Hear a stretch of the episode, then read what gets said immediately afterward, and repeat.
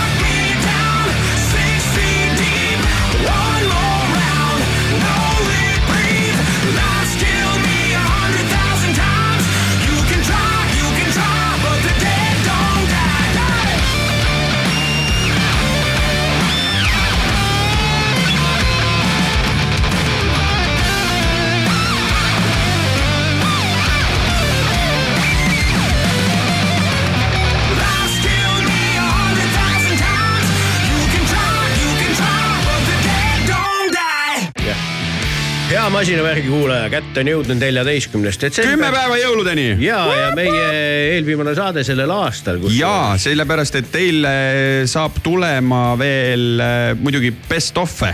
aga just., aga järgmisel nädalal ikkagi veel kütame teiega täiega siin kuule, aga best of teemasid. tänases päevas on meil see, kuulame väga palju väga head muusikat ja siis meile tuleb ka külla füüsiliselt kaks inimest. jah, Alari Kivisaar, saate aru, Rock FM-i kuulajad. Ja, Jah. ja Tarmo Klaar. õhus on intriigi ja siis tõmbame veel ühe kõne peale, loodame, et võetakse vastu, sest eh, tohutus eh, proovi tegemise tuhinas on kaks eh, Noort- esmapilt- noort- noort muusikut. noort muusikut, andekat artisti, toredat inimest, särasilmset eh, eh, Jaagup Kreem ja Ott Lepland, kes on otsustanud punti võtta ka Inese ja, ja teha, vot siis kuulemegi, kas rokki ka saab, et helistame neile veel. jah, sellepärast, et ühe asja me oleme siin oma saates selgeks teinud. Ines suudab rokki teha küll, Jah. nüüd oleks vaja üle kontrollida just, kas ka Jaagup ja. Ott sellega hakkama saavad. just, usun, et saavad, mul on usku nendesse meestesse. mina käisin äh, traktorite, väikeste kommunaalmasinatega sõitmas. no väga tore, mina ei, ei sõitnud millegagi. see on ka hea valik. jah, et eh, kuule, aga selge, paneme siis käima ja kuulame ah,. muideks saadet alustas sihuke ansambel USA-st nimega Shinedown ja Dead Don't Die. no päris sihuke filosoofiline lähenemine. kuulame nüüd Jelly Rolli ja Need a Favorite ja mõne aja pärast selgub, miks me neid lugusid üldse kuulame. nii et siit ta tuleb, Jelly Roll. masinavärk. I only talk to God when I need a favor. And I when I ain't got a prayer. So who the hell am I? Who the hell am I to expect a savior? Oh, if I only talk to God when I need a favor.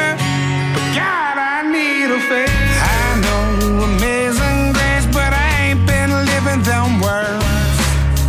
Swear I spend more Sundays drunk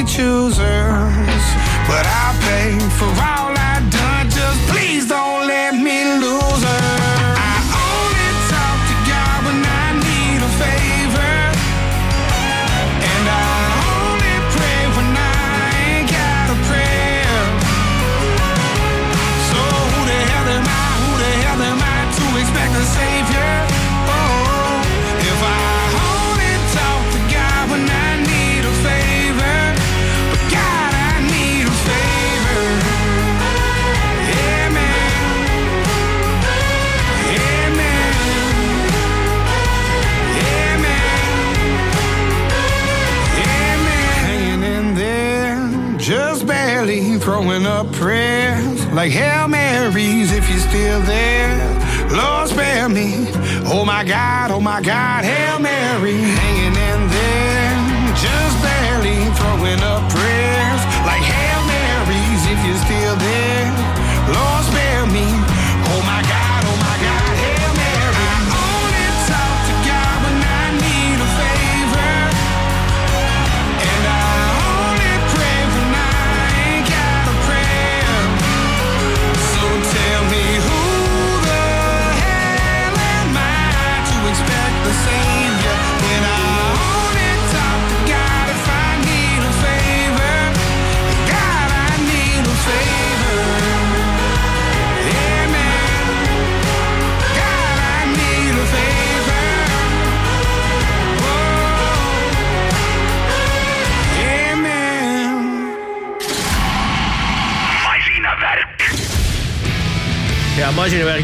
Meile mängis eh, Jelly Roll Need a Favor ja sellest, miks me oleme kuulanud järjest Shinedowni, Jelly Rolli ja ühte bändi, mida me hakkame kohe peale seda väikest ju- jutujuppi kuulama, on eh, vot see selgubki siis. aga kuule, Raiko, Need a Favor oli loo pealkiri, et eh, ma kuulsin linna pealt ilma isegi naistega saunas käimata, et eh, millest on muidugi kahju, sest sealt tuleb head infot, aga okei okay,, ühesõnaga, et, et sa käisid eh, sõitmas mingite asjadega, mis ei ole autodega, millega saab ka inimestele teeneid osutada. ja ma käisin sellises ettevõttes nagu äh, Fortal, kes siis äh, pakub, ütleme mm, kommunaalteenuseid ja seda just siis noh, talvel lumekoristust, suvel tänavapuhastust, ma ei tea, kaevetöid ja selliseid asju, aga hetkel me räägime sellest talveolukorrast. siis sul on võimalik äh, nende käest rentida nii juhiga kui juhita erinevaid, ütleme, traktoreid, laadureid ja kõike seda. sai ära proovitud nii väikene lintidega laadur näiteks, on ju. siis sai ära proovitud see vaata naljakas kommunaalmasin, millel on keskelt on, äh, pöörab keskelt on nagu katki. Okay, jah. sa, sa, sa ei keera mitte rattaid, vaid keerad seda Ja, ja, äh, masinat keskelt, millele siis ette saab panna äh, näiteks saha või siis suvisel ajal need mingid koristusharjad ja taga on siis see äh, graniitkillustiku Mhm, puistur või siis sinna samamoodi saab paagi panna, et kui need harjad on, siis äh, imeb selle tänava peal oleva sodi sinna ja siis ka veel päris suurte traktoritega, millega laaduriga näiteks vaata lume äravedu on ka üks sihuke paras ikaldus, millega on ju peab tegelema. aga kas sa teadsid, mis oli mulle täielik uudis, kõiki muid asju ikka olid näinud, aga eksisteerib selline toode, mille nimi on jäärull. Et eh, rullid jää siledaks, et libiseks paremini. tean küll, ma tean mururulli ka täpselt. vaat mururull on ju ka see, murul on vaata olemas, on mururull on ju, millega sa rullid, aga siis on see õhutaja, mis on ogadega aga jääõhutaja on ka olemas. no piltlikult me võiksime ju siis nii öelda, tegelikkus on niisugune asi, et vaata, mis äh, tihti närvi ajab, on see, et lumi lükatakse ära aga mingid autod on suutnud mingit lund kinni sõita ja siis see tee on sihuke ebaühtlane, vastik, mingid pikiroopad, see mitu kihti lund, mis sinna tekib ja, jääb uh. -huh. siis väga vähesed ettevõtted üldse omavad neid masinaid või noh, seda jäärulli nii-öelda on siis, mis käib, tegelikult saad erineva traktori ette seda panna, onju. seda on Eestis mingisugune kuus-seitse tükki, kaks tükki neist on Fortalil ja mõte on siis selles et äh, kõigepealt noh, kuidas see nii-öelda talvine teehooldus välja peaks nägema sellistel väikstel tänavatel, kus antud olukord võib juhtuda. öösel sajab lumi, värske lumi lükatakse ära, nüüd tuleb see jäärull sealt üle.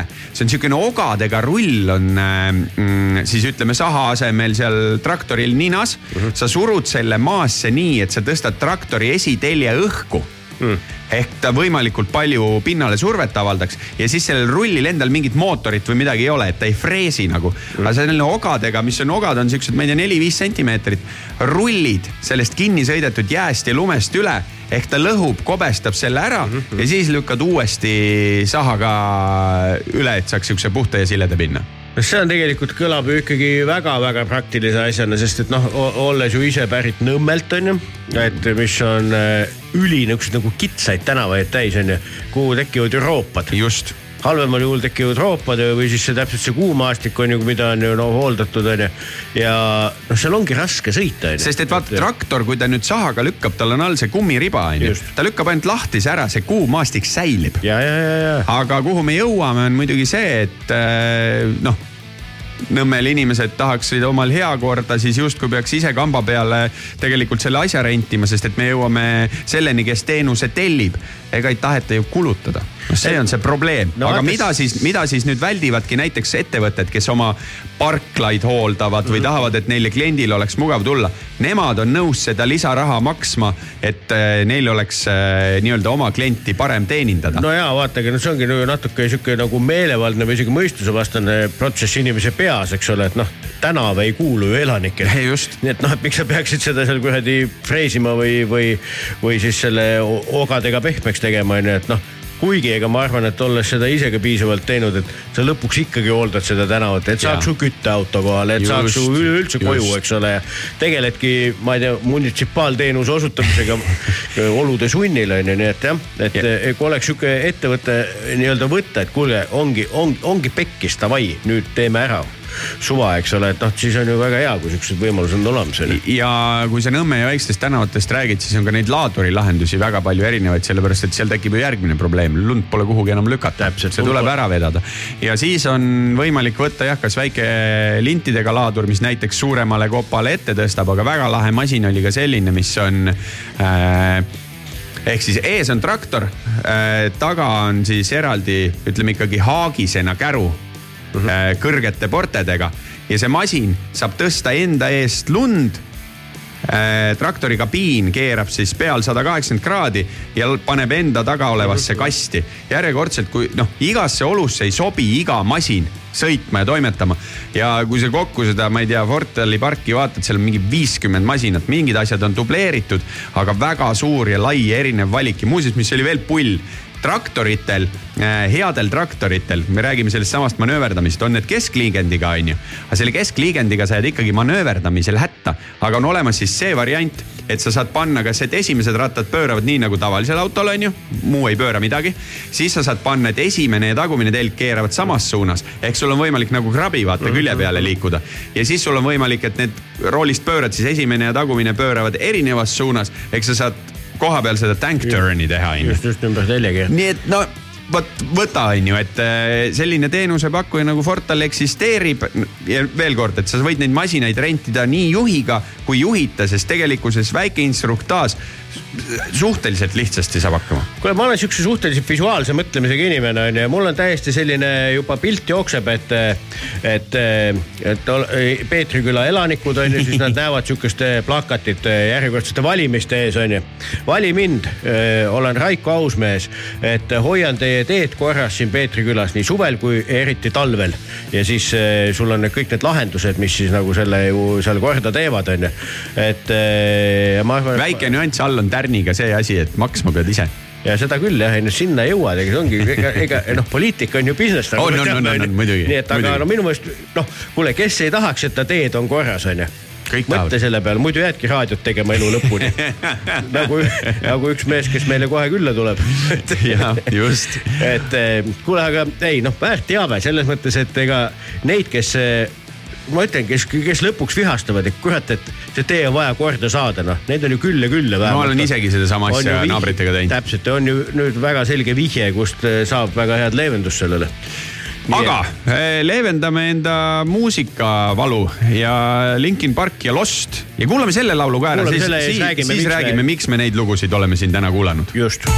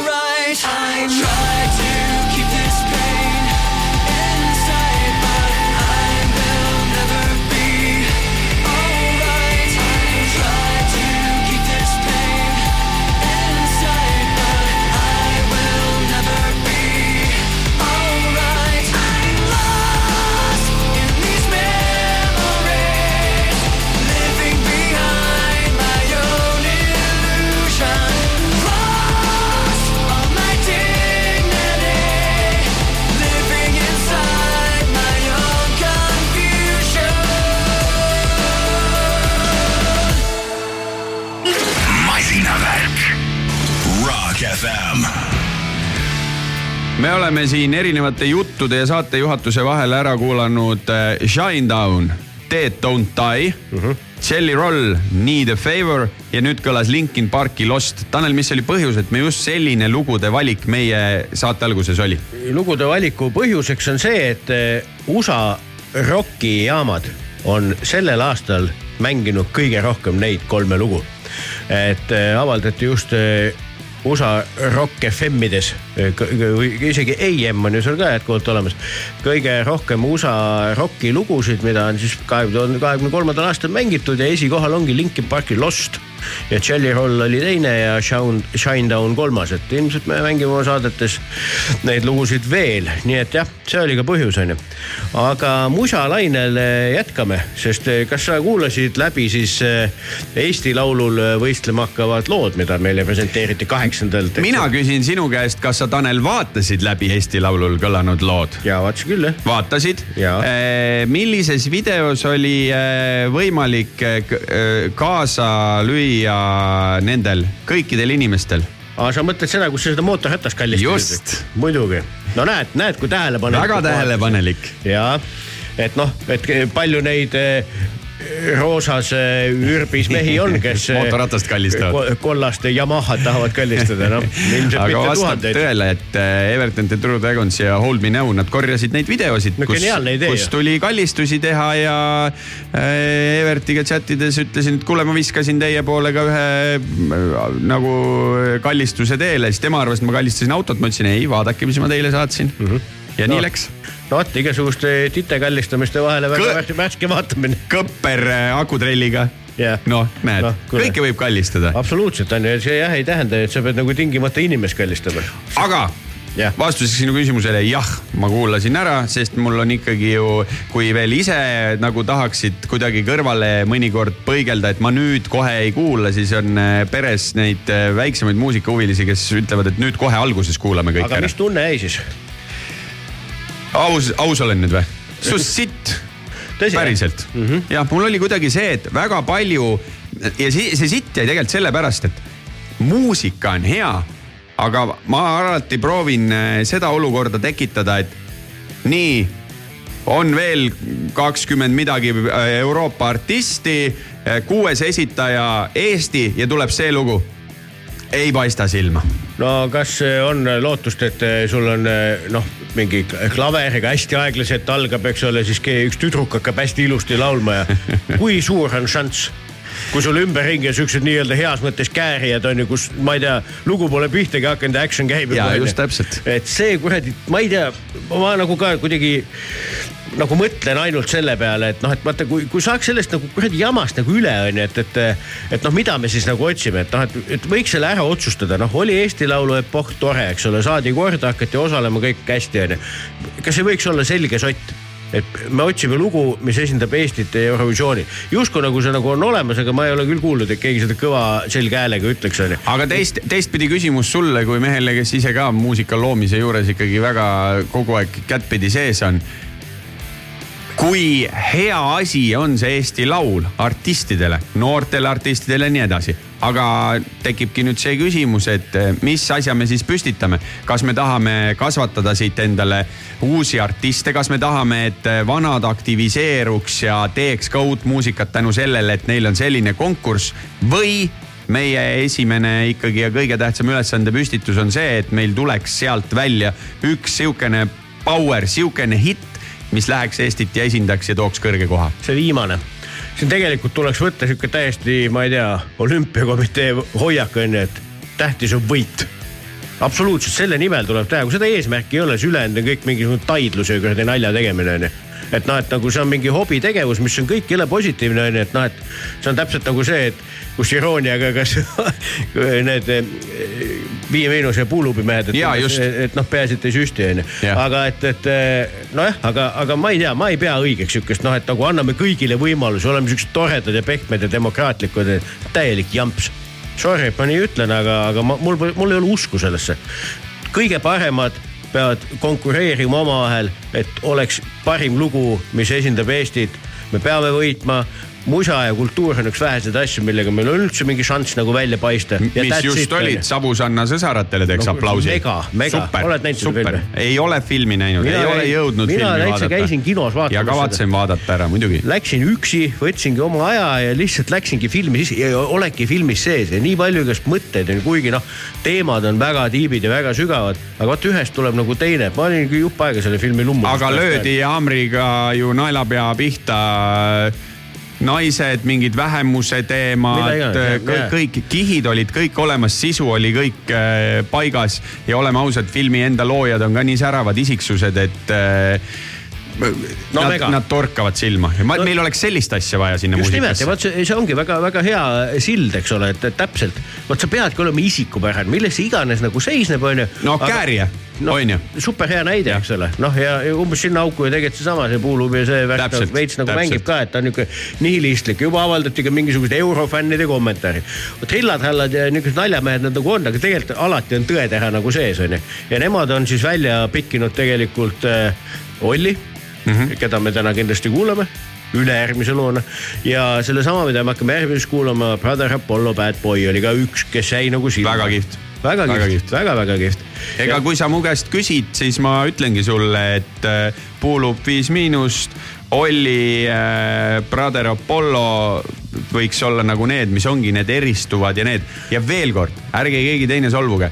jumala head mussi, väga head mussi, aga kas on seda purakat sees, no ei ole noh. no ei ole jah, sest tegelikult noh, ma ütlen, see žürii töö oli selles mõttes ka, ma ütlen uskumatult keeruline, kui sa nagu ei tea, kellega on tegu mm. -hmm. et musa võidab, mis on ka nagu õige lähtekoht, aga samas kui kuradi natuke teeb keeruliseks. aga ma küsin su käest ühe fakti küsimuse. no küsi. mis sa arvad, mitu rocki ja metal'i albumit, ei ma küsin hoopis teistpidi, et mis sa arvad, mitu albumit Eestis sellel aastal välja anti? kakssada neliteist. õige, ongi, ongi täitsa adekvaatne number. ütlen sulle täpse numbri tuleval nädalal kusjuures, kui on eh, kõik žüriid läbi ekseldanud kõik mm -hmm. asjad ja nii edasi, ütlen täpse numbri, aga see on kakssada jah. ja aga mitu neist olid rocki ja metal'i albumid, mõtle mingi ülisuur number, ma juba ütlen ette. nagu ülisuur, kolmandik. soe jah, neljandik, neli nelikümmend seitse roki, pungi, metalli, no ütleme kõik, mis ei ole kõik, mis. kõik, mida saab siin jaamas mängida. täpselt nii, see on uskumatult suur see number, on suur number. uskumatult suur number, nii et, et kuidagi imuga tehakse jah, et, et on nagu tagasi tulnud, eks ole, see asi ka, nii et, et tegelikult tasub nagu trendi järgida, et me oleme selles saates mitu korda ju ka seda puudutanud, on ju, sihuke nagu üheksakümnendate vibes, eks ole, nii popis kui ka rockis ja kõigis on nagu tagasi, on ju. et ja see annab ka nagu natuke selget keelt, et tahetakse jälle bändi teha ja nii edasi, nii edasi ja sealt peab tulema, noh, seal ei ole variantigi, et noh, et nagu et ükski asi kuhugi ei jõua, nii et seal on väga-väga säravaid asju. vot, et ühesõnaga Eesti rokk ei ole surnud ja, ja kaks ülihead näidet tulevad meil järjest. Brother Apollo Bad Boy ja Olli My Friend ja siis me hakkame rääkima hoopis teistel teemadel ja meil on suurepärane võimalus küsitleda meest, kes ise küsib iga jumala päev iga hommik. iga hommik ja teeb inimeste elu põrguks. vaatame, kuidas ta meie ettevalmistatud ja väga jõulise saartesse vingerdama, siputama ja ma ei tea kõike, mida hakkab tegema. no või siis ei.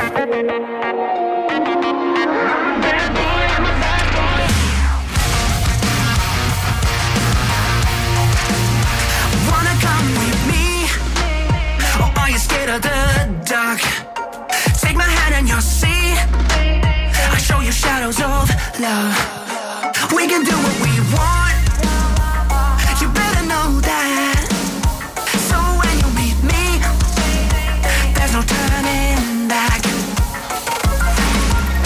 Don't tell your mama where you have been. I bet she has met someone like me. Don't tell your papa who you're riding with. If he finds out, he'll be after me.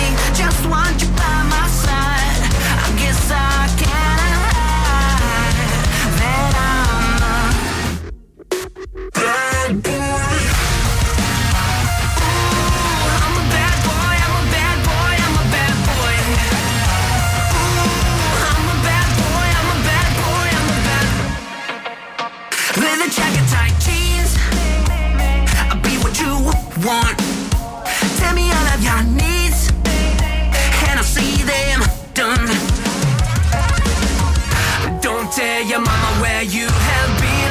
She has met someone like me. Don't tell your papa who you're riding with.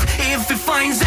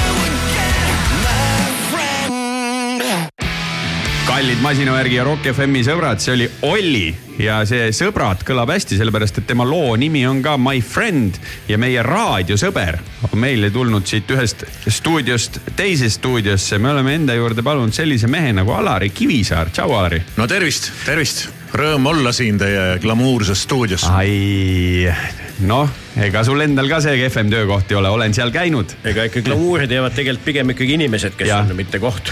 no ei, kõik on omavahel seotud. kuulge, me teile mõlemale küsimus, Eesti Laulu lauludega jõudsite kurssi viia ennast kiiresti täna muideks äh, kuulasime need kõik läbi niimoodi, kerisime läbi. mm,?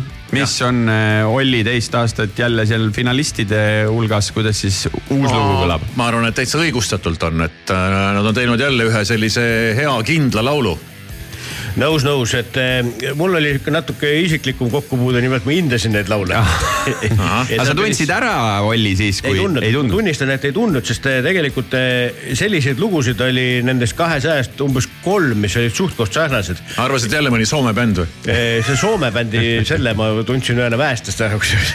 et aga, aga ühesõnaga ja siis vaata, seekord oli üsnagi tavatu süsteem, et sa pidid viis lugu välja valima mis lähevad kohe finaali mm, -hmm. päris suur vastutus on ju. ja kui sa nagu tüüpi nagu noh, ja seda keerulisem on seda nagu teha, et lugu võib ju meeldida, kui sa inimest elu sees näinud ei ole, on ju. et noh, kuidas sa siis otsustad, et kas ta seal lava peal ka selle delivery nagu ära teeb, on ju. nii et, et see oli päris kõva pähkel on ju ja, ja Olli lugu tegelikult oli üks nendest, mis minul sinna viie sekka nagu sai, aga ta sai noh, niisama edasi, aga sinna viie sekka vist mitte on ju. aga see selleks, aga lugu lugu on ju äge. ja, ei väga mõnus. Olli, mulle meeldib. Ja me ei tulnud sellest siia täna rääkima. Me tegelikult alustaks, Alari, mul on küsimus, kust sust ärkas see ralli huvi, selles mõttes fotograafia huvi oli olemas, käisid, mul on muuseas sinu see mingi loodusfotode raamat Oo. oh. ja see on mul kodus olemas sul on. hea maitse. sõbrad kinkisid mulle, arvasid, mul on hea maitse, oli. Ja sõbrad, sõbrad teevad su maitset. jah, kujundavad, jah, mainekujundajad. hakkame jõudma. aga eh, mis hetkel nagu oli see, et sa tundsid, et eh, ma tahaks eh, kiireid autosid sinna kaamera ette hoopis saada? ei no kiired autod on mulle alati meeldinud, mulle on autod üleüldse alati meeldinud. see, sellest me Üleüldse. jõuame ka veel rääkida. üleüldse ja, ja ralli on, on mulle ka alati huvi pakkunud ja meeldinud ja ja, ja see kõik on tulnud isa poolt ilmselt, kes äh, ja ema poolt, kellega me käisime kogu aeg Kalevi suursõitudel ja isegi vist paaril korral rallil ja ma olen näinud, kuidas Aavo Pikkus on autoga üle nipli käinud ja, ja juba hästi ammustest aegadest, aga siis ta noh, tuli muu elu peale ja aga noh, muidugi tänu Tänakule kerkis see jälle kuidagi hästi võimsalt e- esile ja, ja ma olen kogu aeg äh, mõelnud, et lahe oleks pildistada erinevaid asju. Ja üks asi on olnud äh, ralli, mida ma olen mõelnud, et see oleks nagu äge aga, aga veel enne, et kui sa ütlesid, et see loodusfotograafia, et, et ku, ku, kuidas see huvi üldse sinuni tuli või see fotograafia nagu, kas see on nagu mingi maast madalast olnud või, või kuidas see nagu üldse. sellega on ka umbes nii, et selline noh, kellele meeld, ei meeldiks pildistada, eks ole mm. -hmm. jälle ma lähen sinna isa, isa aegadesse, kui pimikus sai istutud mm -hmm. ja noh, et kõik see klassikaline jutt. ja eks ta on meeldinud niimoodi noh niimoodi kogu aeg vaikselt, aga, aga ühel hetkel teatud asjade kokkulangevuse tõttu see huvi paisus järsult ja plahvatas. aga teil ei ole nii pikk saade, et ma jõuaks selle kõik lahti rääkida. aga selle loodusfotograafiaga on ju üks sihukene asi, et lähed hommikul vara, et mingisugune, ma ei tea, jäälind kuskilt kätte saada. siis eh, pere teeb oma toimetusi, siis sa jõuad koju, tere ütled, siis lähed, hakkad töötlema. Ei no sa lähed hommikul või öösel seda jäälindu või, või päikesetõusu pildistama ja, ja sa tuled tagasi ja reeglina ei ole sul midagi töödelda. selles on äh, loodusfotograafia võlu, et see võtab tohutult palju aega, käimist, passimist. Uh. Et võib-olla osalt ka tänu sellele mul see loodusfotograafia mingil hetkel natukene nagu tahaplaanile jäi, et aega lihtsalt ei olnud jah aga ra rallide kohas sa oled, ma olen juba Tanelist mitu korda üle sõitnud, ta tahab küsida normaalne, midagi. rallil sõidetaksegi konkurentidest üle. jah, aga minu küsimus oli äh, see, et äh, sa ei ole piirdunud ainult Eesti rallidega, mis on sihuke põnevam ja kaugem, mis on endale meelde jäänud? no ega mul ei ole rohkem põnevamaid ja kaugemaid ette näidatagi kui Monte Carlo ralli sellest. Jaa, nüüd sellest sellest, aastast just. ja, ja, ja. Et äh, tahtsin juba küll varem minna, aga, aga, aga siis tuli Covid ja, ja mingid muud asjad. ja ega sa ei jõua ju kogu aeg käia, lõppude lõpuks maksab see raha ja ega seda aega pole ikkagi ka ülemäära, et ma töötan siin paganama raadios, iga jumala päev pean kohal olema, meil ei ole siin mingit hooajalist tööd, et. et eks ma püüan niimoodi vastavalt äh, ajale ja rahalistele võimalustele käia, jah. ja, ja vot ma ikka olen seal kaks küsimust tagasi oma küsimusega. et kas see, vot sa ütlesid, et, see hakkas nagu edasi minema, kogu see asi, kas see, kas nagu tehnika on nagu üks asi, et kuna meil sihuke masinavärgi saade on, et, et kui hakkas nagu võimalusi avanema, et oh, tahaks veel seda proovida, et kas natuke nagu ühest saab nagu teine on ju, kui sa saad mingi vingema kaamera, objektiivi, mingid, ma ei tea, mis iganes olulised asjad, välgud, värgid on ju, et kas see nagu on ka, mis nagu trigerdab sind? pigem ikkagi teema on see, mis nõuab siis vastavat äh, tehnikat, et, et päris nii ei ole, et ostan mingi objektiivi, siis vaatan, mis sellega huvitav teha saab, et mm -hmm. reeglina sa ikkagi ostad tehnikat selle järgi, mida sul ühe või teise või kolmanda asja jaoks nagu spetsiifiliselt vaja on. ja, ja minu see suur fotograafia plahvatus äh, toimuski sellel ajal, kui kaamerad muutusid juba üsna äh, kättesaadavaks ka tavalisele inimesele, vanasti neid häid kaameraid jõudsid ainult profid osta. ja nii ta on, nii ta on siin vaikselt läinud jah aga ütleme, kui sa mõtled nii, ütleme looduse ralli ja kas on nagu sihuke mingi Mount Everest ka, kuhu tahaks nagu jõuda, et on noh, mis sul nagu mõttes on, mis su unistus on, mida sa pildistada tahaks? mida ma tahaks pildistada, ma hetkel nagu mul ei ole ühtegi sellist suurt asja, mida ma tahaksin pildistada. Dakari, luited, düünid, ja ei, päike no, loojub. ei no neid asju no niimoodi võttes oleks muidugi väga-väga palju. ma tahan Portugali minna. ma ei tea, miks ma olen nimetanud seda enda lemmikriigiks, kuigi ma ei ole seal kunagi käinud. aga mulle tundub, et see võiks mulle meeldida ja ma pidingi tegelikult minema esimesele nii-öelda välis WRC etapile Portugali, aga siis tuligi koroona ja ma nüüd järgmisel aastal olen võtnud selle plaani, et äkki ma käin seal ära. vaatame, kuidas, kuidas aeg ja raha lubab jälle. Kuule, aga ralli pildistamine, olles ise ka sellega kokku puutunud, siis äh, ei ole ka ju mingi lihtne tegevus, sa pead ju samamoodi reket tegema ja ette valmistama oma plaani, ei ole, et oh, lähen siia ja vaatan, mis saan, siis ei saa mitte midagi. No sellega on nii ja naa muidugi, et, et ega see äh, rekke tegemine nüüd noh, ta on ajaliselt äh, ka muidugi oma, omajagu võtab aega, aga ja võtab päris palju aega siis, kui sa oled seal nagu ametlikult tööl lausa mm. -hmm. et sul on omad kohustused, sa pead kõik nad üles pildistama või mingid kindlad äh, asjad ja sa käid rallilt rallile ja, ja, ja hull- hullumaja käib, mina olen ikkagi siiamaani käinud noh, ikkagi niimoodi poolenisti, poolenisti hobi korras ja tõsi küll, ühe ralli, viimase Saaremaa ralli ma pidin tegema ametliku fotograafina ja, ja see oli ikkagi paras pain hinde selles kohas. kõik need kuradi autod üles pildistama, neid on, seal oli neid seekord ka mingi üle saja.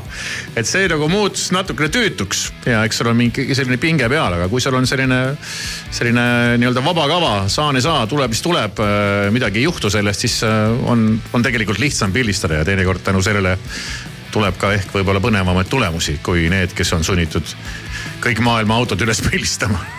kuule, meil on sihuke hea traditsioon, et eh, saatekülaline võtab kaasa ühe loo on ju ja see, mis luuast varjast nüüd see pauk tuleb, on ikka päris üllatav, et The Number Tohoh. of the Beast ja Iron Maiden. Iron Maiden jah ja., Six, Six, Six, nagu ma olen ju Rock FM-is. Ega ma ei saanud siia valida mingit modern talking ut, eks mul äh, käis peast veel läbi igasuguseid bände, Accept ja Wasp ja ma ei tea, mis veel, aga, aga neilt mulle ei meenunud nagu ühtegi lugu, aga selle loo pealkiri jääb sulle eluks ajaks meelde. ja kui see lugu ikkagi omal ajal tuli, siis ta oli ikkagi gigahitt, isegi, isegi diskoinimesed kuulasid seda. Aga kas ütleme kaheksakümnendatel, kui sihuke tohutu heavy massiiv tuli, noh Eestis kaasa arvatud. Kas see läks nagu sinust pigem nagu mööda või? ei ta minust ikka päris mööda ikka ei läinud mm. -hmm. et ta ikkagi, ikkagi mingil määral puudutas ja ütleme mulle tegelikult üldise, üldiselt ikkagi sihukene rokiks värk meeldib. ja kui raadios tuleb selles heas autos, millest me kohe rääkima hakkame, siis paned pigem nagu valjemaks või? Äh, seda tulebki natuke valjemalt kuulata, et, et kõik see, kõik see kätte saada ja No ja see nõuab eriliselt head helisüsteemi ja head kvaliteeti, et seda niimoodi ja need, kuidagi. need muideks on enamus asju on ära remasterdatud ka tänaseks no seda parem, et, et on ikkagi bassi juurde pandud nii-öelda. et mahla on juures. on, on ja okei okay,, aga kuulame siis Eesti armastatuma raadio DJ poolt valitud Iron Maideni massiivset klassikat. masinavärk,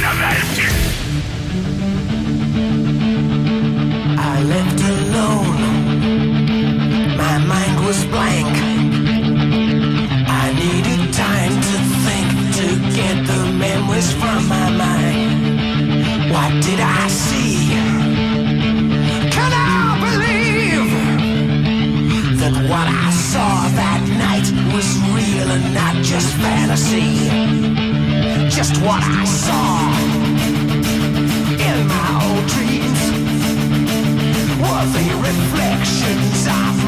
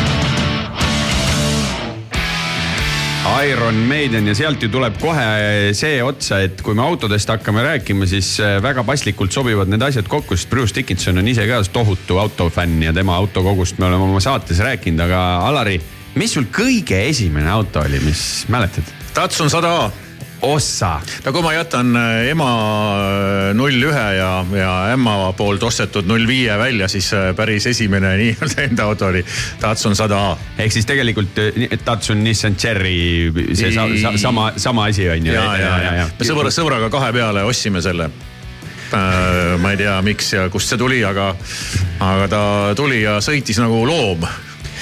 Eks ta Soomest tuli. ilmselt küll jah. kust nad mujalt tulid.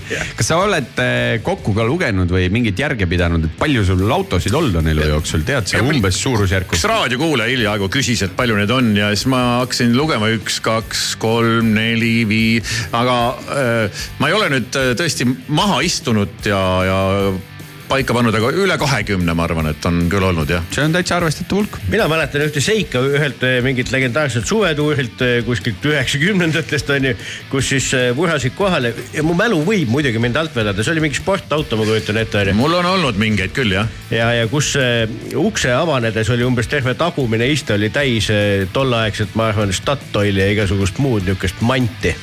noh, tarvitatud onju, mees oli oli täitsa pikalt eh, niimoodi raha taga ajades mööda vabariiki sõitnud, et Jaa. oli, oli ka sihuke aeg või? ja oli küll jah, mul oli ikkagi auto, autos pagasnikus igal pool oli nii palju igasuguseid asju. Et äh, seal oli kõike, ükskõik mida sul järsku vaja läks, sa sada protsenti sealt leidsid selle. et nüüd ma olen püüdnud natukene autot puhtamana hoida jah. kui sa oma kahekümne masina peale mõtled, kas äh, oskad sealt paar tükki välja tuua, mis on mingid erilise kiiksuga olnud või mingid jaburad autod, mida noh, täna kindlasti enam mõtled isegi, et miks ma selle ostsin. tead, ausalt öelda mul ikka enamus autosid on mõne, mõnes mõttes nagu jaburad. kukkus tool alt ära praegu selle jutu peale. et ma, ma, ma, ma nagu, ma ei kuulu nende inimeste hulka, kelle jaoks auto on lihtsalt tarbeese, et vahet pole, peaasi, et äh, salongist käivitub ja kojamehed töötavad ja punktist A punkti B. et ma tahan, et äh, ma, ma, mul on vaja sealt mingisugust emotsiooni, ma, ma, ma olen niimoodi mõelnud, et ma veedan oma väga lühikesest elust äh, märkimisväärselt väga suure hulga aega autos. tõsi, ja ma tahaksin, et ka see aeg minu üürikesest elust oleks kvaliteetne ja pakuks mulle mingit, mingit emotsiooni. Aga no mul on olnud jah, okei okay,, need spordikatest olid, olid vist äh, üks oli mingi Eagle Talon, teine oli Dodge Daytona, siis mul on olnud mingi Cabrio Saabi Äh, siis on olnud mingi vana, vana Citroen, mis iganes tähekombinatsioon see oli, kus sõitsid amordid üles ja alla, mida XM. XM jah, mida polnud, polnud kunagi kuskil nähtud ja ma olen pidanud ikka kogu aeg ostma mingisuguseid imelikke autosid, aga siis noh. aga no mingi, mingil hetkel rahunesin maha. kui ma kukkusin äh, Lexuse RX-i otsa, kui see tuli ja väga-väga-väga pikki aastaid ei suutnud keegi midagi võrdväärset valmis teha. ükskõik, kuidas ma ka ringi ei vaadanud, et vahetaks juba ära, kaua ma sellega sõidan, no ei leidnud midagi asemele sellega on huvitav lugu, et kui me arutasime, et sind kutsuda saatesse, siis Tanel ütles, ta on ju see Lexuse mees ja siis me jõudsime selleni, et need inimesed, kes on Lexuse ostnud, nemad kuidagi jäävad selle auto külge kinni no ma jäin senikaua selle külge kinni, kuni midagi paremat polnud võtta ja, ja, ja kuni selle hetkeni, mil Lexuse uued RX-id hakkasid lihtsalt disaini poolest nii emased ja nõmedad välja nägema. et ma mõtlesin, ma sõidan ükskõik millega, aga selle ja- jandiga ma küll ei sõida. kas see oli see hetk, kus sa sinna Nissan Leafi otsa jõudsid või oli vahepeal veel midagi? ei, no ma läksin selle esimese väikese uu- uue disainiga Range Rover äh, mis ta oli, Evoque või kuidas seda hääldatakse. see oli üks selliseid autosid, mille disain lõi mind nii pahviks, et ma mõtlesin, mul on täiesti ükskõik, mis see maksab või kas see on hea auto või kas see on halb auto, mind lihtsalt ei huvita, ma pean selle saama. Ja Jah. ma sain selle. Evoque oli tõesti omapärane masin sellel hetkel, kui ta välja tuli ja ta, ta oli tegelikult ka üllatavalt populaarne, sest ta tegelikult oli Range Roveri äh, nii-öelda valiku kohta ju ka soodsam, sest teised olid kõik üüratumalt kallid no kohe. teised olid ka suuremad ja see oli ka üks esimesi ideeautosid, mis ka sellisena tootmisesse Jah, läks ja kõik ülejäänud range'id on ja nende disain on ju kõik kantud sellest samast mudelist. Nad ei suutnud seda küll teistesse mudelitesse enam nii edukalt üle kanda. Hakkasid tekkima mingid eh, disainiloksud sisse, aga, aga siis tuli see ja siis tuli, siis tuli igasuguseid autosid, et äh, no mi- mis see hetk oli, kus sa murdusid ja otsustasid, et sa proovid selle elektriautoga sõitmise ära? aga see murdumine toimuski väga lihtsalt, ühel hetkel mulle lihtsalt äh, hea sõber Eurost autost andis selle sõita mingiks ajaks, ma ei tea, mis põhjusel see oli. kas mul oli auto kuskil hoolduses või lihtsalt. ja siis ma nagu mõtlesin, et what the f. Et ikka noh, see sõidukogemus, kes elektriautoga sõitnud, on, on ikkagi hoopis midagi muud ja siis ma tegin kiireid arvutusi ja mõtlesin järgi natuke oma sõidutrajektooridele ja linnatiirudele ja koolidele ja trennidele ja asjadele, mõtlesin, mis asja. muidugi ma võtan selle, sest see tundus nii uus ja huvitav. ja, ja siis ta tuligi. pikalt, pikalt sa sõitsid temaga? ma ei, ma ei sõida autodega väga pikalt, iga kord, kui ma ostan, ma mõtlen, et nii, sellega sõidan nüüd pikemalt, aga üldiselt kuskil aasta pärast ma hakkan juba nihelema, ära tüütab. aga siis hakkasid juba esimesed pildid ja jutud tulema Nissan Ariast just. ja siis mul tekkis mingi selline õige hetk, et ma sain ja tuli juba suurema akuga Leaf ja ma vaatasin, et see on õige hetk ära müüa, et ma natuke vahepeal sõidan mingi muu autoga. kuni tuleb see Aria, siis tuli koroona jälle. Ja seda Ariat oodati ju issand kui kaua aega. näidati teda siin lennujaamas ja siis läks veel kaks aastat mööda enne kuni ta lennujaama jõudis, läks veel palju aastaid mööda, pidi palju-palju varem tulema. ja siis ma jõudsin vahepeal veel igasuguste autodega sõita. aga sa oled ringiga nüüd eh, elektri juures tegelikult tagasi, sa kohe-kohe lähed Tesla meheks, no kui, kui jõulumees on armuline ja tema jõulukotti. kuskil logistikaahelas tiksub praegu. jõulukotti see mahub, siis see tõesti võib nii juhtuda ja selle, sellega, sellega juhtus täpselt samamoodi nagu Leafiga. viisin oma auto hooldusesse, seekord siis noorte autosse, sealt, sealt äh, tüüp ütles, sõida selle Teslaga paar päeva senikaua. no ja kõik jälle müüdud. mulle tundub, et on mi- mi- üks minuga on lihtsamaid kliente, minu vaata., mina, mul on nii mõnigi sõber automüüja ütleb, et sinuga on nii lihtne. anna korraks, anna korraks kätte ja, ja juba ta on müüdud, et, et, et mina pidin olema see inimene, kes müüb endale ise asju maha Aa., mulle pole vaja müüa. see muideks, see on täiesti vastandlik, kõik need, kes sul autogala raames käisid, sõidavad mingite sadade autodega ja never ei osta ühtegi. Jaa, just, just. täiesti, täiesti teine sats on ju. Jaa, jaa. no vot, kutsuge, kutsuge nendele autoesitlustele meest. ta ju ostab kohe kõik ära. ei, ma kahjuks kõike ei osta, no sest mul ei ole raha. Aga muidu ostaks. varem või hiljem. muidu mul oleks ka ilmselt mingi autokollektsioon ja, ja, ja mis iganes, ma just korra mõtlesin oma eelviimase, eel, eelviimase autoga, sorry, ei, ei, no ma ei tea jah. mul oli see, mul eluaeg meeldinud, ma olen unistanud sellest Discovery neljast mm. -hmm see viimane vana õige Discovery. ja siis ma ajasin välja veel eriti hea Landmark äh, veel mudeli viimane väljalase. ja mõtlesin, ma sõidan sellega, aga ma sõidan, aga selle ma jätan endale alles justkui hobiautoks. aga ei jätnud. no aga someday. Võib-olla see kunagi tuleb tõesti jah. kuule, ma küsin siia vahele, ma nägin sotsiaalmeediast, et sa käisid tegelikult siitsamast Nordautost, võtsid, sõitsid ühe Hiina tootja Cerese autoga. jaa. Mis sa julged öelda? Ceres viis, ma julgen öelda, et see on üks siga kõva auto. Kui no ma, ma sõitsin sellega, noh, ma sõitsin kakskümmend neli tundi, noh, ma ei saanud väga palju sõita, aga, aga ma selle aja jooksul nagu ausalt öelda midagi eriti sellist küll ei näinud, mille kallal võiks vinguda. üldiselt ega sa ei peagi otsima, kui sa istud uude autosse, sa saad kohe aru, mis asjad sulle meeldivad ja mis asjad ei meeldi seal ma pidin hakkama isegi kohati nagu natuke nagu vaeva nägema, et oot-oot, aga midagi peab ikka, kuidagi kuskilt peaks midagi olema, midagi valesti. Lähed natuke selle Hiina mõttega sinna ja otsid endale ise errorit või? üldiselt isegi Hiina mõttega enam ei lähe ja ei lähene nende vot see on üks hea asi, see on üks oluline asi, mida ütles mulle ka üks automüüja, et mulle käib närvidele see, et kõik räägivad eraldi nagu tuuakse välja Hiina auto ja Hiina auto. eraldi, aga samal ajal ei öelda, et sakslane või prantslane või hispaanlane. paned tähele, et tegelikult me oleme seda enne ka puudutanud, et eh, mingi loetud aastate jooksul on kõnepruugis tähega, on Korea auto. ja just tegelikult oli samamoodi. mida rõhutati ka, eks, noh, et Kiia, noh, come on või Hyundai. see, see läheb Korealased., ja see läheb üle, ma olen sellest juba üle, mul ka mingil hetkel olid mm need mõtted ja kui tulid äh, droonid, eks ole, ja mis mõttes Hiina droon, ei ole paremat drooni kui Hiina droon, keegi ei suuda. DJI-d üle lüüa, mitte keegi. ja ma ei tea, kas ta autotööstusega samamoodi läheb, aga, aga hiinlased lisaks sellele, et nad äh, toodavad tonnide kaupa igast kräppi, on nad suutelised äh, tootma ka väga häid asju. muuseas, selle Crapiga ma olen kokku puutunud ju CF Moto Marek on öelnud, ega hiinlased toodavad Crapi sellepärast, et keegi tahab seda osta ja kui no. euroopla, eurooplane tellib endale selle Crapi, siis ta saab selle Crapi aga kui eurooplane ei tahaks eh, teha Hiina nii-öelda soodsale asjale panna kahekümnekordset hinda otsa ja tahaks head asja sealt tellida, siis endiselt ja kogu aeg on nad tegelikult tootnud väga kvaliteetseid asju. aga see Ceres viis lõi mul isegi korra kõikuma nagu Tesla mõttes või? ja korra lõi isegi kõikuma, aga õnneks oli tal pagasnik mulle mitte sobiv.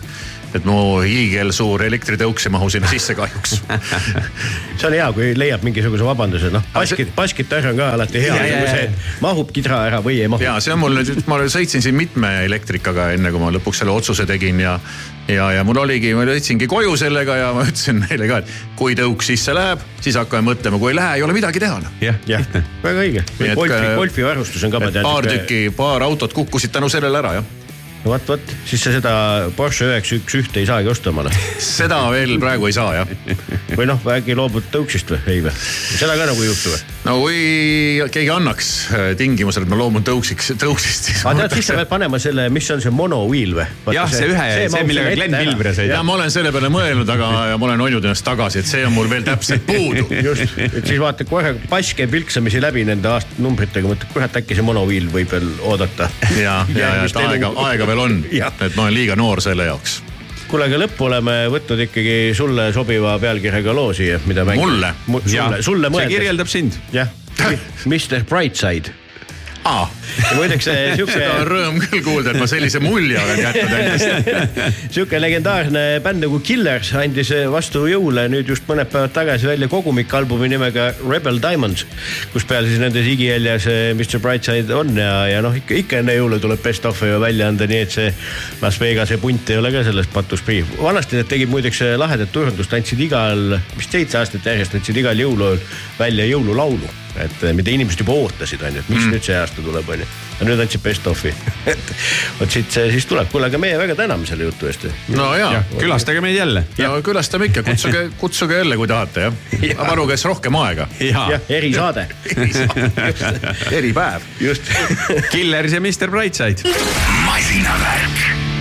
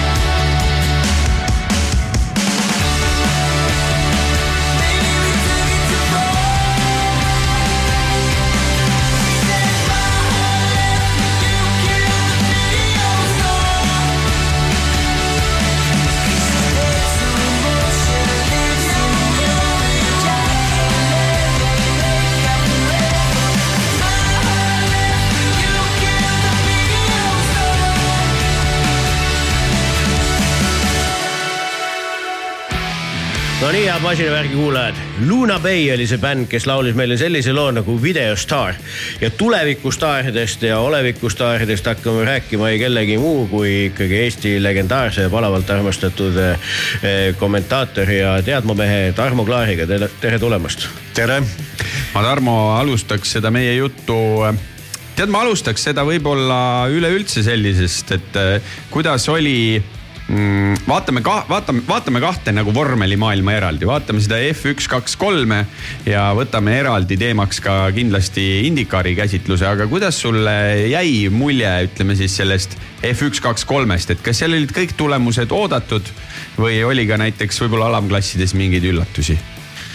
no minu jaoks oli ülemklassis isegi üllatusi. oli, oli et olgem ausad, kes oleks võinud arvata pärast eelmist hooaega kaks tuhat kakskümmend kaks, et Aston Martin ja Alonso teevad sellise tähelennu, eriti hooaja alguses.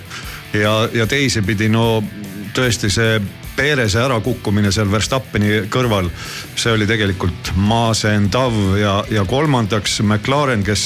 ma olen suur McLareni fänn. oli sügaval mudas hooaja algul, mismoodi toimus nende taassünd seal äh, Austria peale etapist. seda äh, suve, suvepühi.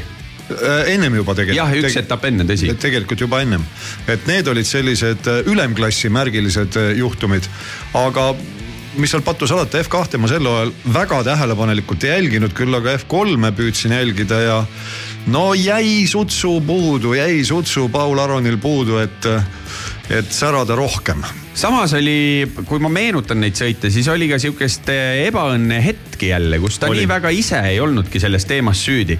ja mis on oluline, tuli ka ära ju Red Bull ringil oli võit just, et kõige kõrgemal poodiumi astmel sai äh, Paul ära käia.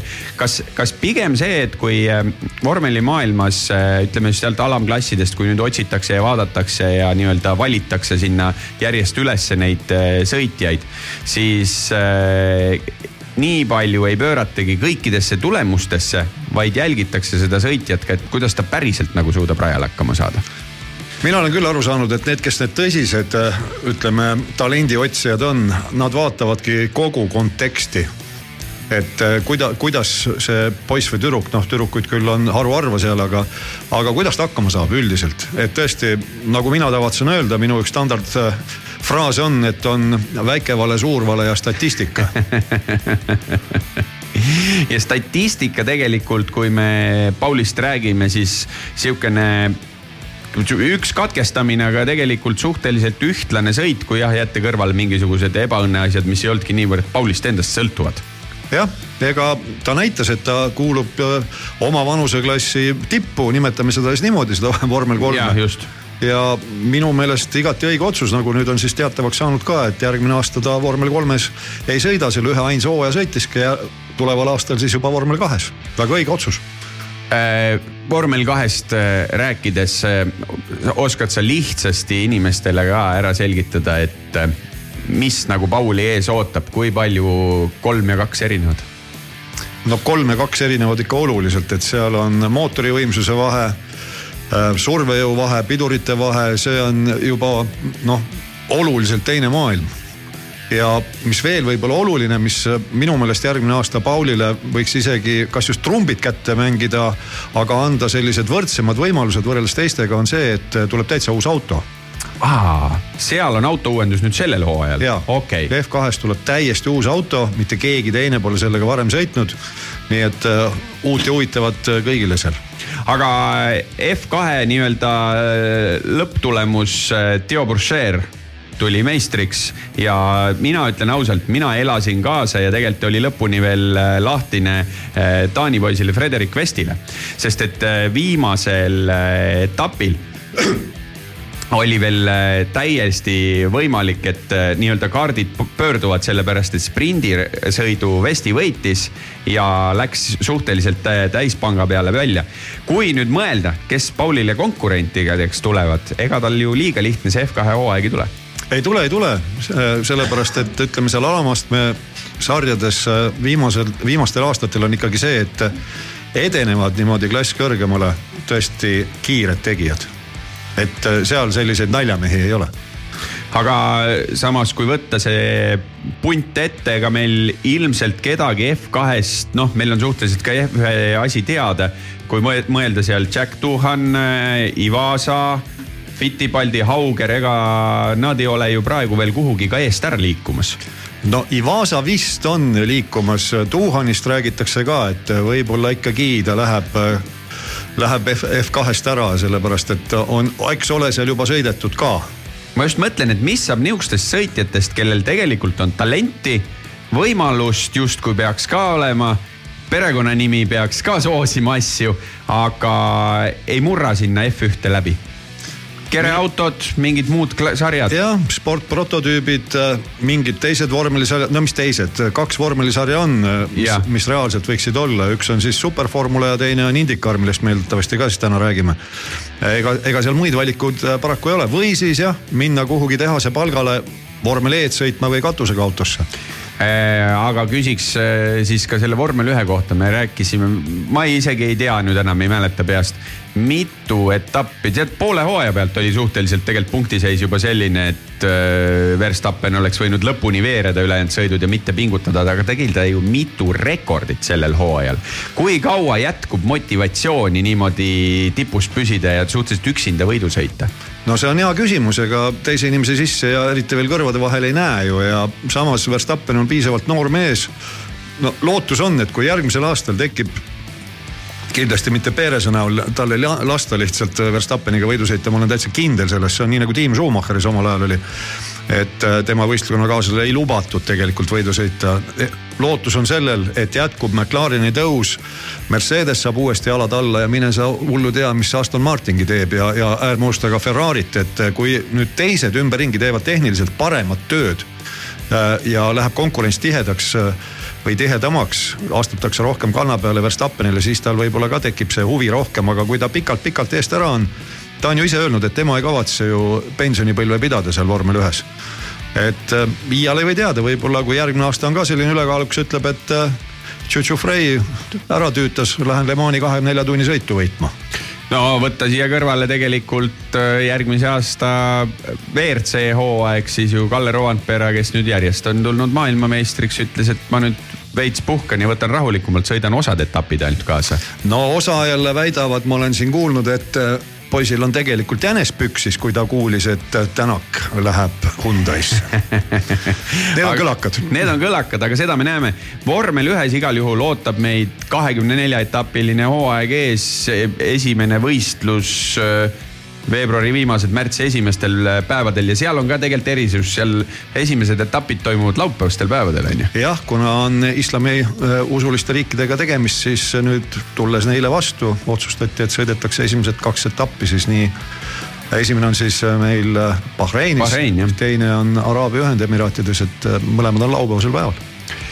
muusikat palusime sul ka kaasa võtta, Gary Moore. Over the hills and far away, kas seal on nagu Gary Moore'iga või on see looga seotud, miks sa selle valistasid? see on kõigega seotud, seal üks asi muidugi, mis kindlasti on, mida mu kadunud isa mulle ette heitis, kui ma Deep Purple'it täiega guuglasin kodus ja et tuli niimoodi viisakalt, ta oli selline palju noh, intelligentsem, viisakam inimene kui mina.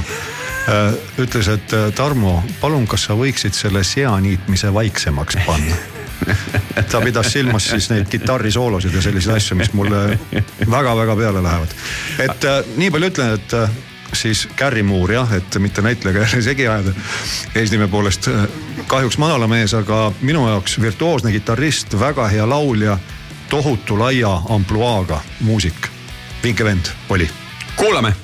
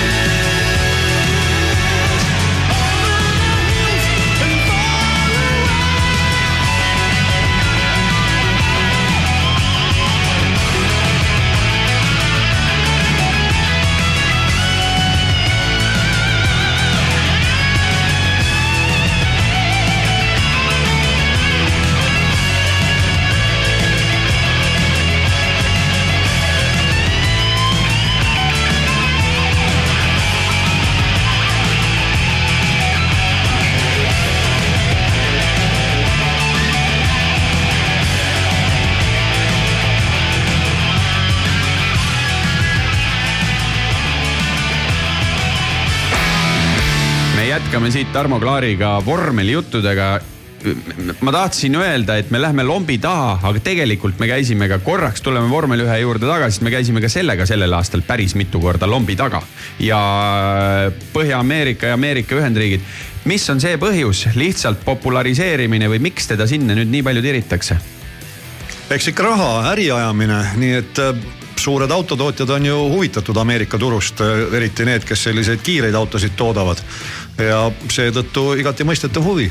kas see Las Vegase Grand Prix oli liigne kirbusirkus või oli tegelikult ikkagi asjalik? hirm oli, et tuleb kirbutsirkus, aga tegelikult oli vähemalt esimesel aastal minu meelest küll oli väga asjalik. seal oli ju isegi niimoodi, et me saame põhjusega rääkida, miks natuke käiakse seal Ameerikas, sest promootor on ise USA ja nad ju lausa ostsid mingid maatükid ära seal Las Vegases. Nad ostsid Las Vegases selle maatüki ära, mille all on siis viimane kurv, poksirajatised ja äh, raja siis kas esimesed kolm või neli kurvi. ehk et eh, tehti oma maa peale osa rajast ja osa rajast ehitati linna, kus siis tekitati olukord, et jumala pärast mitte keegi, kes ei ole piletit ostnud, ei näeks, aga inimesed olid ikka leidlikud ja suutsid. üks mees tegi ju mm, päris pikalt, enne kui tal see feed kinni pandi, tegi Facebook laivi niimoodi, et aia vahelt oli mobiiltelefoni välja pannud ühes kurvis ja piletit ta selleks äh, sõiduks ostnud ei olnud. aga äh, tuleme nüüd selle teise sarja juurde, kus me ka ühte eestlast siin paaril korral eelmisel või sellel hooajal, siis möödunud hooajal sõitmas nägime ja tuleme Indikari äh, juurde. nimed, mis ütlevad ilmselt natukene, natukene vähem, aga tšempioniks tuli meil Alex Paluu, hispaanlane, kas oli nii? ja kahekümne kuue aastane hispaanlane, kusjuures ta tuli teist korda nüüd meistriks ja Eh. tema on selline noh, ütleme mõningas mõttes juba kurikuulus äh, seal Hispaanias oma lepingusaagadega. kord sõlmib ühega ja siis äh, keerab jälle vana lepingupartneri juurde tagasi ja praegugi peaks tal vist ka kohtusaaga käima McLareniga muide. aga kui, kui me Indikarist räägime, siis kiiresti see asi ka inimestele üle rääkida ja meelde tuletada, et seitseteist etappi ja kallid inimesed, kes te ei ole veel Indikari vaadanud ja teil on kuskilt meeles, et Ameerikas sõidetakse ainult ovaale mööda, siis see ei ole nii. pluss-miinus enam-vähem on see ära jagatud eh, kolmandik ovaali kolmandik eh, tänavasõidurada ja kolmandik ikkagi eh, päris ringrada. ja kahel viimasel etapil osales siis Jüri Vips. kuidas ja. sa annad eh, Jüri sõidule, sest et mõnes mõttes noh ütleme sihukene inimene, kes vaatab lihtsalt tulemustele otsa, kuivale statistikale otsa, temale võib mulje jääda, et noh, sõitis ka, et sealt tagantpoolt otsas, et igaüks saaks hakkama justkui. aga tegelikkuses oli see väga oluline, mis ta oma tiimil ära tegi nii oli jah, et äh, kui sa sellest olulisusest räägid, siis äh, seal on selline punktisüsteem, et äh, kakskümmend kaks kohta on, mis annavad no laias laastus kõik need kakskümmend kaks kohta annavad järgmiseks hooajaks ühtemoodi miljon dollarit võistkonnale. ja võitles siis Jüri Vips selle autoga, tähendab äh, USA-s on igasuguseid arvestusi, on individuaalne arvestus, on seal võistkondlik arvestus, aga siis see kahekümne kahe miljonilise kohe osas käib arvestus auto järgi. Suvaline, täna sõidab Tanel, homme sõidab Raiko, ülehomme sõidan mina, aga auto korjab punkte ja siis Jüri istutati sinna autosse selles lootuses, et ta toob piisavalt punkte ja mahub sinna kahekümne kahe sisse. ja ta, nii kummaline kui see ka pole, kes vaatas seda viimast sõitu, ta mahtus sinna ja tõi see lisa miljon dollarit järgmiseks hooajaks võistkonnale ära, aga kui üldiselt rääkida Vipsi tegemistest, siis äh, tegelikult täiesti liialdamata. mitte see, et äh, ma olen eestlane ja Jüri on eestlane ja ma isiklikult tean ja tunnen teda ka kardiaegadest juba siin Eestis, siis äh, ütleme niimoodi, et võistkond oli räiges eesti keeles öeldes sillas temast, kui ma õigesti tean nüüd. keegi ei ole konkreetselt avalikustanud, aga Reihali tiim sõlmis temaga mitmeaastase lepingu ja Mil, millest ei ole ametlikult veel juttu olnud. ei, aga ei taha Bobby Reihal teda mitte mingil juhul käest ära anda, sellepärast et äh, Bobile andis soovituse vips palgata ei keegi muu kui Adrian Newey. täpsustuseks siis, et äh, see vormel üks autokonstruktor, guru paljudele, kes peksavad laupa vastu maad, nagu teda näevad tema oli kaheksakümne viiendal aastal Bobby Reihali võistlusinsener, ta konstrueeris äh, siis Adrian Newey Maatsi vormeleid Indikaaris, millega võideti Indy viissada muuhulgas kaheksakümnendatel. Ja sellest ajast on neil väga hea sõprussuhe ja Adrian Newey soovitas Bobby Reihalile, et selline kutt on praegu saadaval, võtke. kuule, viimasel sõidul juhtus ka ju selline asi, et äh, Bobby Reihali poeg Graham sõidab ja päris huvitav olukord suhteliselt esimeses kurvis, kus siis äh, avariis kohtusid ühe tiimi sõitjad, üks veel siis nii-öelda tiimiomaniku poeg ja teine Jüri Vips, täielik rookie. ja kuidas äh, Graham tuli, sõimas, teda hoiti eemal, et ta tahtis põhimõtteliselt Jürile kätega kallale minna. ja pärast toimus ikkagi väikene vabandamine, mitte ameerikalik äh, sihukene asi, sest reaalsuses oli olukord selline, et vaatad mitu korda video läbi, no ei olnud Jüril selles esimestes kurvides asja sinna, tema seda avariid ei põhjustanud. ei, põhjustas Jüri siis kahe tuhande kahekümne teise aasta vormel kaks hooaja tiimikaaslane. Markus Armstrong, kes Just. sõitis sel- selga äh, äh, siis Graham Reihalile, Bobi on isa, tema ei sõida enam. Graham Reihalile, Reihali auto lendas risti ja põrutas sisse hoopis Jüri autole, Jüri, kes oli täiesti süütu kannataja. kaasreisija antud olukorras jah täielikult., ta, ta oli teinud ülihea stardi ja paraku jah, kokku nad põrkasid ja esimesse kurvi ta esimese hooga jäi, aga Ameerika äh, vormelisõidu reeglid on sellised, et kui sind äh, talutatakse tagasi boksi ja auto tehakse korda, siis sa võid veel jätkata ja seal punktisüsteem on ka selline, et punkte saavad kõik sõitjad, mis on eripära. Ja lootus on siis selles, et hoolimata sellest, et ta oli kakskümmend neli ringi maha jäänud, Jüri siis, et kui keegi katkestab, siis võib-olla ta saab punkti rohkem kui, kui see katkestaja ja seeläbi noh, jällegi selle miljoni dollari arvestuses siis tõuseb kõrgemale ja nii juhtuski kui me vaatame tulemustele otsa ja vaatame, et vot see ongi see nii-öelda autode arvestus, et tegelikult kaks esimest olid Chip Ganassi Racingu masinad number kümme ja number üheksa on ju. Ja tegelikult punktivahed seal mingites sadades, kas seal äh, Indis on ka tekkimas sihukene kihistumine või äh, noh, üks on teistest kuidagi tiimina üle või see võib lihtsalt jällegi statistikast sedasi tunduda? seal on nii ja naa ja punktisüsteem seal USA vormelisarjas on huvitav, et äh, väärtustatakse muidugi esimest kohta, aga kellelegi ei lähe korda kiirem ring hmm. et antakse sulle lisapunkt siis äh, kvalifikatsioonivõidu eest. Lisapunkti saab iga sõitja, kes vähemalt ühe ringi juhib. ja kaks lisapunkti saab see, kes kõige rohkem ringe on liider, nii et kui esikoht annab viiskümmend punkti, siis kokku sa võid teenida viiskümmend neli punkti. ja kui neid punktivahesid vaadata, noh muidugi seal võivad nad tunduda suured, aga veel kord, kõik saavad punkte ja see on selline omaette võlu ja meistriks tulnud Alex Paluu, kahekümne kuue aastane, tema võitis hooaja jooksul seitsmeteistkümnest viis etappi. Scott Dixon, neljakümne kolme aastane veteran, muide kuuekordne meister selles sarjas. tema võttis kolm võitu, Scott McLaughlin, uusmeremaalane, kolmekümne aastane, võttis ühe võidu ja seal ongi need vanused on nii huvitavad, et Kristjan Lundgaard, kes on seal Reihali tiimis, on kakskümmend kaks. juba ütlesin, Scott Dixon nelikümmend kolm ja sõitis sel hooajal ka veel vanameister Heli- Helio Castro Neves, kes minu mälestuste järgi oli neljakümne kuue aastane. No vot, siis on isegi siin peaaegu, et Tanel võib minna ju sõitma. jah, isegi sina. kuule, Tarmot täname, aga me jätkame siit ikkagi siukse, kui Carri Moore mängis ära, siis mitte vähem olulise ansambliga oi, Tanel. me oleme väga klassikalise tuule peal ja, ja Tarmo on alati meile neid eh, klassikalisi rokkpalasid siia kaasa võtnud ja ega me ei saa siis ju inimest ära saata ilma massiivse klassikata ka meie poolt ja hakkab kõlama selline lugu nagu Rock n Roll Damnation ja väga-väga olulise põhjusega. ACDC on ehit- esitajaks ja, ja täna on hällipäev sellisel väga-väga olulisel tüübil nagu Cliff Williams keda ju laiem avalikkus ei tea, sellepärast et ta on üks õnnetu bassimees seal bändis ja räägib teine bassimees. just ja see on siis esimene, esimene album ja, ja esimene lugu. album kannab nime Power Age ja, ja siis, siis tegelane on seal mänginud aastast tuhat üheksasada seitsekümmend seitse. et on juba päris eh, pa- palju aega seal vastu pidanud nende hullude eh, seas, kes seda bändi siis veavad. ja Cliff Williams saab siis täna seitsmekümne nelja aastaseks ja, ja palju jõudu ja jaksu, sest ju kuulutati välja vist taaskord, kui mu mälu ei peta, Raiko paranda mind, aga ACDC tuur. just, et eh, kõlab uskumatult, sest ju auto, aga nad seda ikka teevad aga autohullust eh, eh, solist ju, kes tembeldati vahepeal suisa kurdiks. ma ei tea, kas teadus ja tehnika on nii palju arenenud, et eh, toodi mehele kuulmine tagasi või kõik see jääb meie, meie eest ju saladuseks, aga, aga mees on üles putitatud ja täitsa laulab.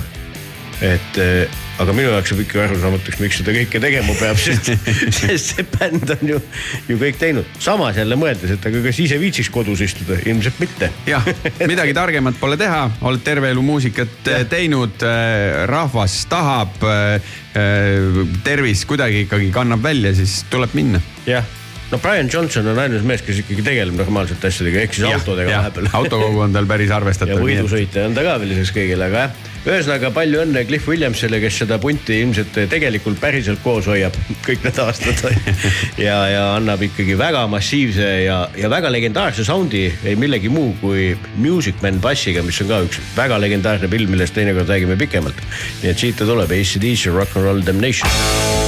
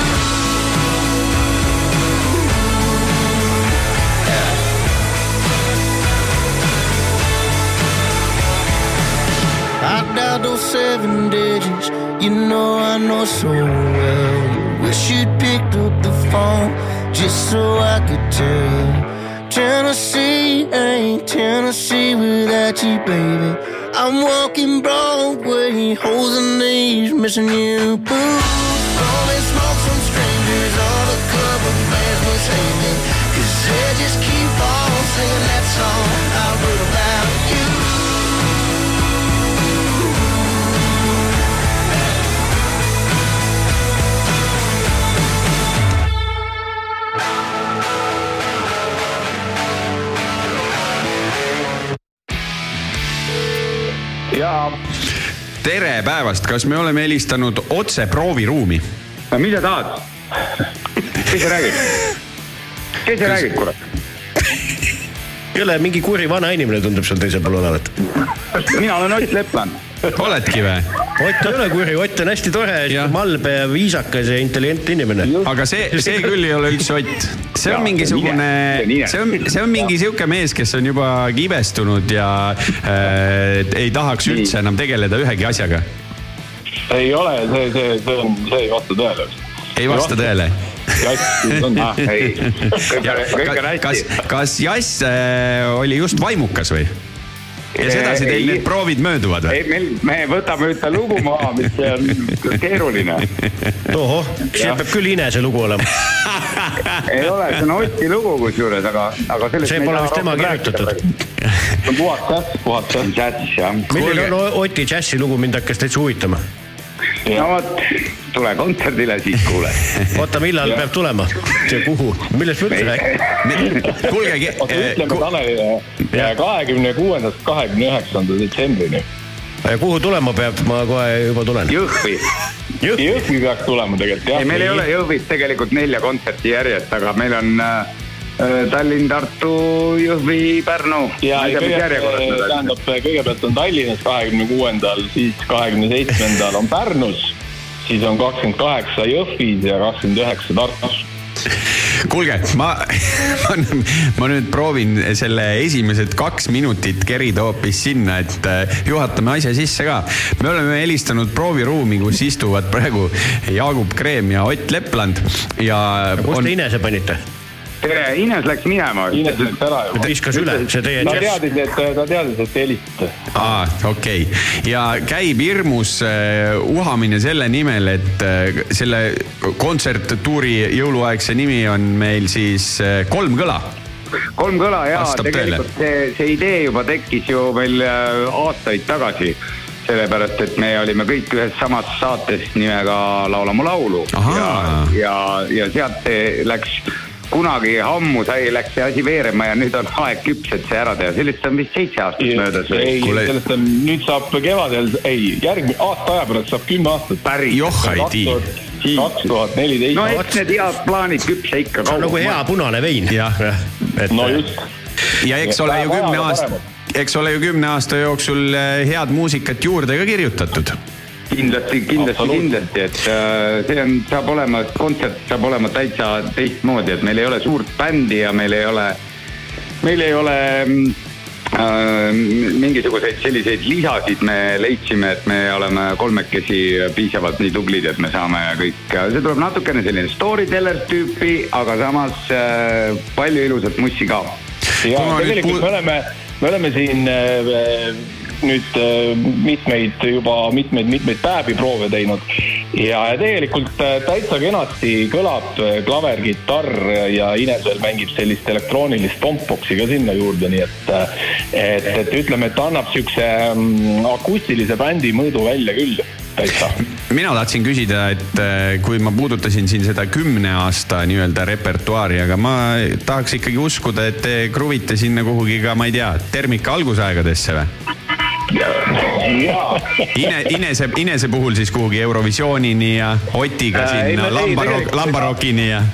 ega, ega ja ei, absoluutselt, ega siin on äh, vi, viimase paarikümne aasta taha ikkagi korra ka kerime, kerime selle. jah, eks me, eks me, eks me lähe mööda sellist mingit ajatelge, aga, aga äh, kord hüppame sinna, kord tänna, et meil kõigil on suhteliselt kirevad elud olnud ja, ja me siiamaani ja, ja me räägime juhtumisi, mis on juhtunud ja, ja võib-olla ka, mis hakkab juhtuma. ja aga ütleme nii, et, et inimesed ikkagi saavad, ma arvan, kuulda sellist igihaljast äh, siukest. Seda kindlasti ka, seda, seda, mida, seda muusikat, mida nad ikkagi teavad äh, nii Inese, minu kui ka Jaagupi esituses, et. samas on ka seal selliseid lugusid, mida me üldse väga palju ei mängi. absoluutselt, ja. oota, mul on üks pakiline küsimus, et vahetult enne teile helistamist me kuulasime ühte siukse laheda bändi nagu The Cadillac Three uut lugu nimega Four Chords and the Proof. kas eh, nelja akordi surematu meistriteos Eesti absoluutsest eh, klassikast on ikkagi plaanis ka ette kanda? on ikka ja seda naljakam ta ja lahedam ta on, kui, sest et Ines on ka nüüd meil pundis ja Ines saab lauda ja me kirjutasime sinna veel, leidsime. Me leidsime juurde veel ka. juurde, et see saab üks igavesti tore ja pikk lugu olema. Mina tahaks-. Me võtsime nüüd ka uuemaid lugusid, siin on nüüd natukene juurde tänapäevast ka veel, nii et saab olema põnev. mina tahaks sellist asja, et on äh, maanteepõletaja viis, aga Ines laulab äh, sinna peale hoopis Kuula sõnu. okei, okei. ega tegelikult see on siuke jaam, kus võib nagu pikalt ka saata inimesi, kui ikka üldse see jutt ei meeldi, mida räägitakse, nii et Ei, praegu, praegu on see võimalus. see oli väga, väga. Väga innovatiivne..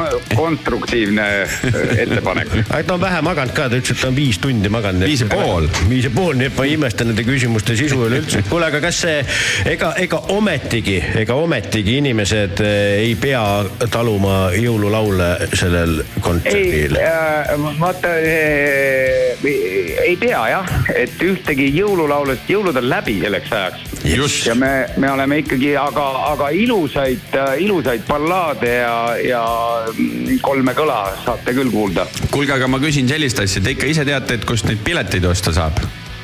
Nad, nad ju ise ei osta oma kontserti ei,. ma saan aru, aga et te peaksite nüüd soovitama inimestele, et kuhu nad pileti peavad,. piletilevis on piletilevis. õige vastus vana, vana hea legendaarne piletilevi on ikka ühe koht, kus leiab. kuule, aga me oleme siia lõppu võtnud siukse täiesti päevakajalise loo. ütle, Jaagup, kas seda lugu on mängitud pigem palju või vähe? kannab pealkirja Las tuiskab. Äh, vaat ma ei tea, kas seda on äh, mängitud palju, ma arvan, et äh, seda mõistlikkuse piiris. sest et mõned lood on sellised, mis äh, on väga head lood ja need äh, jahvatatakse nii läbi, et äh, inimesed keeravad raadiojaamas kanalit, kui see hakkab tulema. sellepärast me seda teist lumelugu ei võtnudki, üks lumelugu on sul veel, vaata. just, aga see on suvelugu. jah, J-tähega lumelugu või? ja, ja jaanipäevaks kõrgeks kasvab lumi. jah, väga hea. See on, ma arvan, et Tuiskam on hea lugu. kas see tuleb ka kavva või, või ei järgmine tule kord?, ei tule no konkreetne vastus konkreetsele küsimusele. kuulge, aga igal juhul natuke on ju veel aega jäänud ja seda on ju rõõm kuulda, et, et tuleb džässi ja värki ja et teil on raske ja keeruline ja aga ütleme, ütleme niimoodi, et lihtinimesele mõistetavad džässi. jah jah, kuule, seda, seda on, seda on. Fantastiline. ma tahaks näha seda Jaagupi eh, osavate näppude all võetud eh, eh, B-bemoll suss neli miinus kaheksa mai akordi. Jaagupil on e- ette valmistatud Scatti soolo, nii et. Igal juhul inimestel Rock FM-i kuulajatele igal juhul sihuke, et tõsised mehed meid kuulavad, siuksed mootorimehed ja masinamehed, et tuleb sihuke tõsine kontsert. eks nad seda Inest vaatama tuleb. ei usu, et No jätke, naised koju, tulge meeste kambaga, tõotab sihuke tõsine õhtu olla, et eh, saate pärast mõtteid vahetada. tead, ära sa, sa, nagu, Tanel, sa natukene alahindad inimest. mina, mina ülehindan. Või ülehindad. et, et tegelikult seal on igale ühele midagi ja, ja see saab olema samamoodi südamlik kui ka naljakas, kui ka mõtlemapanev, kui ka mm, ilus minu jutu mõte oli see, et, et, et seda on ju uuritud, ma arvan, seesama Piletilevigi on seda teinud, et kes on pileti ostja, see on valdavalt naisterahvas, aga meie kutsume üles, et mehi, et kuulge, et tegelikult on päris hea mõte eh, kinkida selline asi, mida tahaks ise ka näha, et ühesõnaga olge nüüd normaalsed tüübid ja viige prouad ilusti välja, pange ilusti riidesse, saate klaasikese šampanjat võtta kontserdi majas. kas mina või, kas mina võin jutu kokku võtta nüüd või? Ma võtaksin jutu kokku sedasi, et kakskümmend kuus, kakskümmend seitse, kakskümmend kaheksa ja kakskümmend üheksa detsember ehk selle aasta lõpus Tallinn, Pärnu, Jõhvi ja Tartu ootavad kõiki neid häid inimesi, kellele meeldib kõige-kõige parem muusika sellisel asjal nagu kolmkõla ja kolmkõla taga peidavad ennast Jaagup Kreem, Ines ja Ott Lepland. väga hästi kokku võetud, super, ise poleks paremini osanud. aga, aga edu teile proovidesse ja kohtume siis peagi suurtel lavadel. ja las tuiskab. ja, kõik. masinavärk.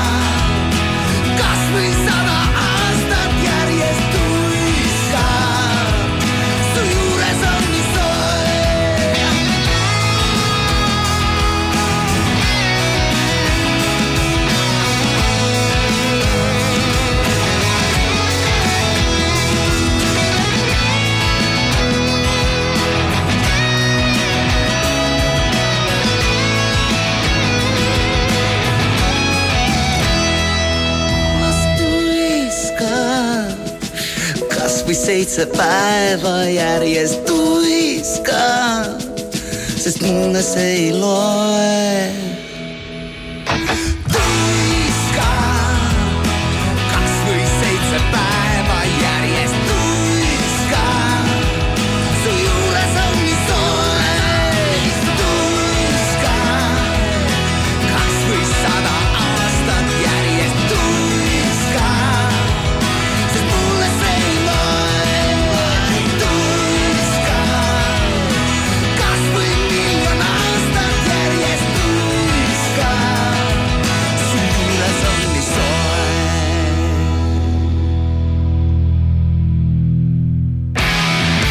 Kuulatud need Eesti roki nooremad ja vanemad isad, küll mingeid keikasid veel siin lähiajal tulemas oi, oi, oi, kuule sellel nädalal tuleb tõeline maiuspala ja ma imestan neid inimesi, kes pole veel omale piletit ostnud.